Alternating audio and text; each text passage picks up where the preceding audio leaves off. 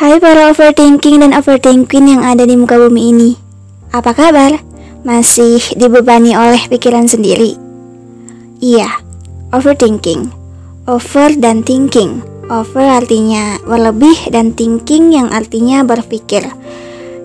Hmm, bisa diartikan kalau overthinking itu berpikir secara berlebihan. Ya, dan orang yang sering overthinking itu disebut overthinker. Tapi aku pengen membedakan overthinker laki-laki dan perempuan menjadi overthinking dan overthinking di podcast ini. Biar ada warnanya aja gitu loh podcast ini. Hmm, kalian biasanya kebanyakan mikirin apa? Masa depan. Iya sih kayaknya makin dewasa pasti makin mikirin yang namanya masa depan. Atau jangan-jangan saking overthinkingnya kalian kalian itu nggak mikir jauh-jauh ke masa depan yang jauh banget deh, tapi lebih ke hari esok. Mikirnya tentang hari esok kayak, duh, besok harinya bakalan gimana ya? Dipenuhi ketakutan.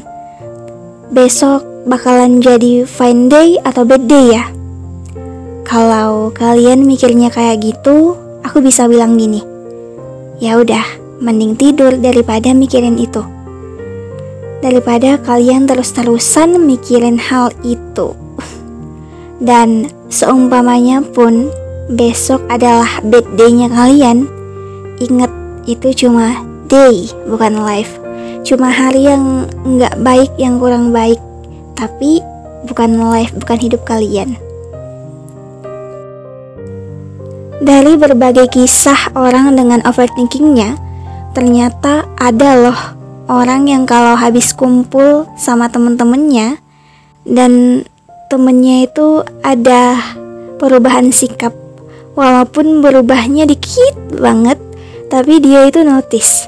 Dan begitu pulang ke rumah udah pisah nih sama temen-temennya. Udah pulang ke rumah masing-masing dia ini si overthinking dan overthinking ini di kamarnya merenungi tenggelam dalam pikirannya. Mikir Kok tadi dia beda ya? Jangan-jangan dia marah lagi sama aku. Jangan-jangan aku habis ngelakuin kesalahan yang aku gak sadari.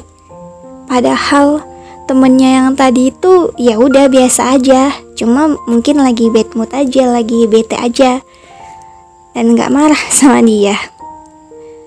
Tapi si overthinking dan overthinking ini mikirnya dah ke mana-mana, dah bercabang-cabang untuk pikirannya.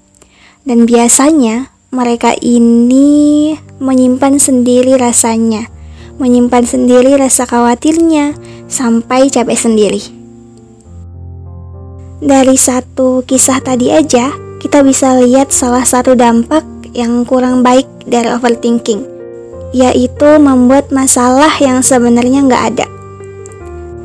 Dan sebenarnya overthinking itu adalah respon dari apa yang terjadi di lingkungan sekitar kita Cuma mungkin karena overthinking dan overthinking tadi itu orangnya lebih perasa, jadi mereka tenggelam deh. Tenggelam dalam rasa-rasa mereka. Capek ya? Capek banget pasti jadi orang yang overthinking. Apa-apa dipikirin, hal-hal kecil aja dipikirin sampai berlarut-larut. Itu pasti capek banget. Tapi nggak apa-apa, Patut kalian syukuri kalau kalian adalah orang yang peka terhadap apa yang terjadi di lingkungan kalian. Tapi kalau overthinkingnya bisa dikurangi sedikit-sedikit, dikurangi ya.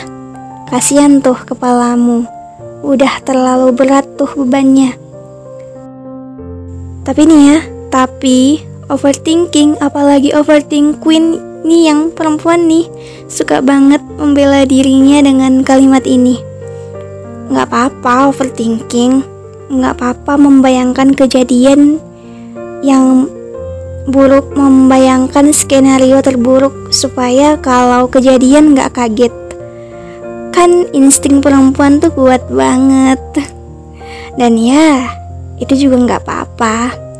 Lumayan kan buat ngurangin ekspektasi. Yang penting selalu ingat ini ya, Ingat kalau skenario hidup kita itu udah diatur sebaik-baik mungkin sama Tuhan. Jangan meragukan rencana Tuhan ya. Tapi bukan berarti pasrah banget juga. Kalian harus berusaha melakukan hal-hal yang baik supaya kehidupan kalian juga baik. Kan apa yang kita tanam itu juga yang kita panen. Maaf ya nggak bisa ngomong banyak-banyak soalnya lagi nggak terlalu fit. Dan ini rekamnya mepet banget. Ini habis aku rekam langsung aku edit dan aku publish. Jadi istirahat yuk. Kita sama-sama istirahat. Kasihan tuh kepala kalian. Butuh jeda. Capek dia. Capek dia nanggung beban pikiran kalian. Udah capek. Kaliannya kurang tidur Lama-lama itu otak bisa teriak, "Woi, tidur woi. Udah habis nih energiku." Oke, sampai sini aja ya. Sampai di sini aja dulu. Sampai jumpa di episode selanjutnya ya. Bye.